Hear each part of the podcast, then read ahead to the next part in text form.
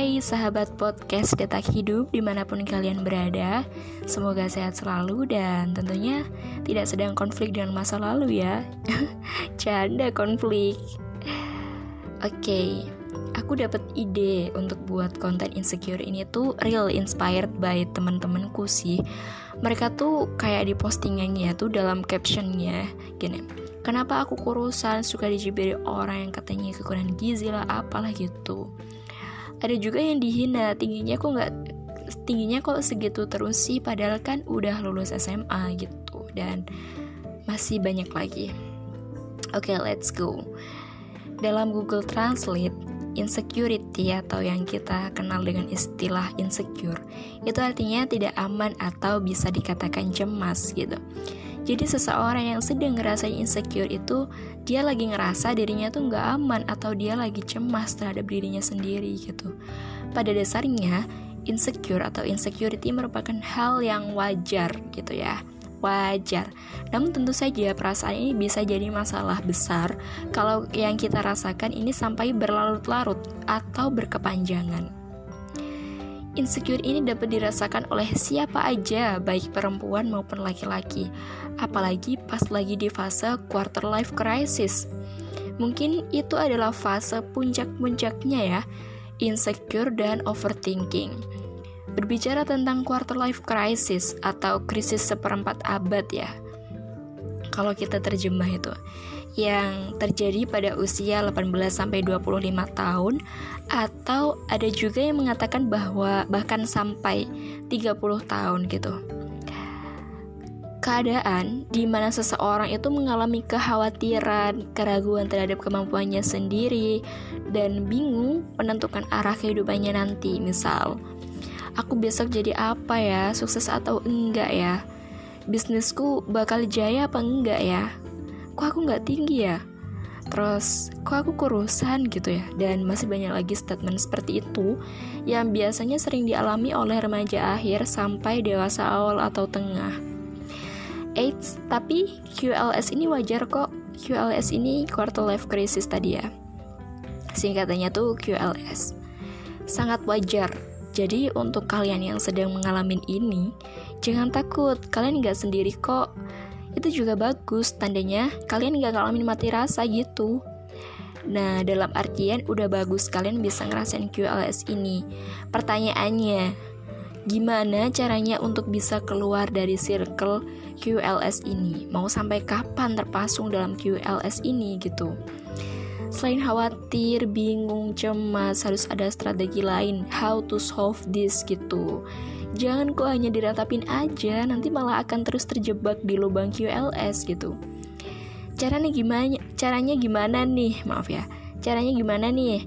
Ya sebenarnya yang tahu uh, yang tahu jalan keluarnya ya cuma diri masing-masing sih karena hanya dirimu yang paham betul akan dirimu gitu oke okay, oke okay.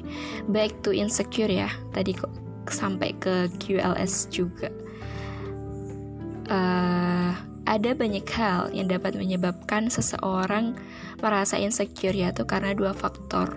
Yang pertama internal dan yang kedua eksternal. Yang internalnya ini dari diri kita sendiri, misalnya nih, udah nyoba beberapa kali tapi masih aja gagal.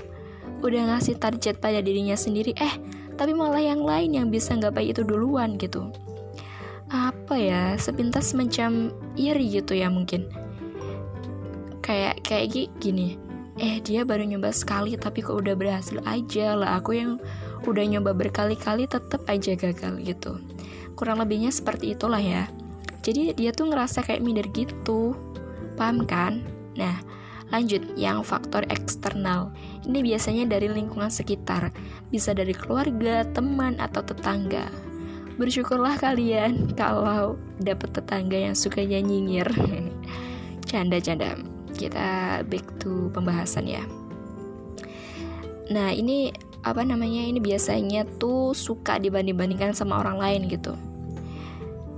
atau kalau enggak orang tuanya yang terlalu overprotective ke anaknya sampai anaknya gak dibolehin bergaul dengan siapa pun dan akhirnya jadilah ia menjadi seseorang yang kurang bisa bergaul dengan orang lain. Sukanya menyendiri atau bahkan sampai takut berinteraksi pada orang-orang yang tidak dikenalnya gitu.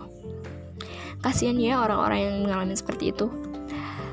Saya baca dalam sebuah artikel judulnya cara mengubah insecure dengan teori kognitif behavioral therapy atau CBT dan menggunakan teknik kognitif behavioral behavior modification atau CBM.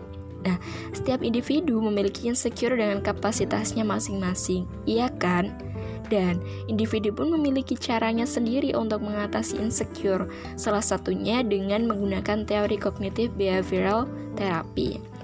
Terapi ini menjelaskan bahwa manusia yang sehat adalah manusia yang bisa berpikir secara adaptif atau bisa menyesuaikan diri dengan lingkungannya.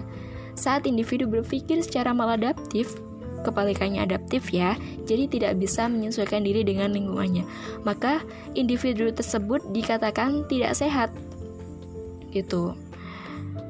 Maka dengan menggunakan teori CBT ini bisa diaplikasikan menggunakan teknik CBM apa apa itu? Cognitive Behavioral Modification secara step by step atau bertahap ya. Yaitu dengan dengan gimana gitu, dengan mengubah pemikiran maladaptif menjadi adaptif. Karena dalam teknik CBM ini berfokus pada pengubahan pola pikir, karena dengan berubahnya pola pikir individu dapat mempengaruhi perilaku individu tersebut gitu. Karena dengan berubahnya pola pikir individu dapat mempengaruhi perilaku individu tersebut. Dengan cara apa? Dengan cara selalu meracuni individu tersebut dengan omongan-omongan atau statement-statement yang positif gitu. Kapan bisa sembuhnya? Tentunya nggak bisa sekali terapi langsung bisa sembuh ya, butuh waktu yang cukup lama. Tapi seberapa lamanya tergantung kuat atau tidaknya individu tersebut dalam mempunyai keinginan untuk berubah. Nah, dengan siapa bisa uh, menggunakan terapi ini gitu ya? Lebih banyak sih ke psikolog atau psikiater. Tapi kalau emang dirasa nggak terlalu parah insecure-nya atau insecure musiman ya yang kadang-kadang insecure, kadang-kadang enggak gitu. Itu cukup dengan uh, apa namanya? bisa bisa dari keluarga atau sahabat atau yang lain. Pokoknya seseorang yang mempunyai pengaruh besar dalam kehidupan kalian gitu. Dengan cara selalu memberikan statement positif ya agar bisa menyalurkan energi yang positif juga gitu. Jadi sahabat-sahabat kalian atau keluarga itu setiap kalian curhat mbak aku gini gini mas aku gini gini gitu ya. Aku ngerasa aku nggak pantas aku ngerasa aku jauh dari kata sempurna gitu ya.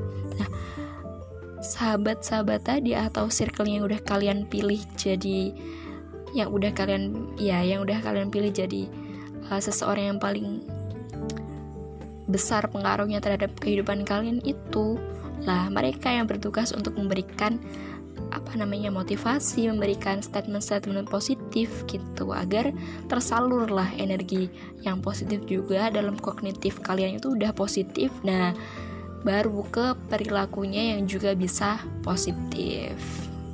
Tuh itu aja ya.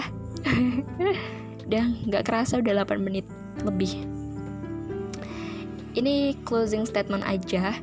Ya jadi gini, syukurin apa yang ada, sadar kalau apa yang kamu keluhkan adalah apa yang orang lain inginkan.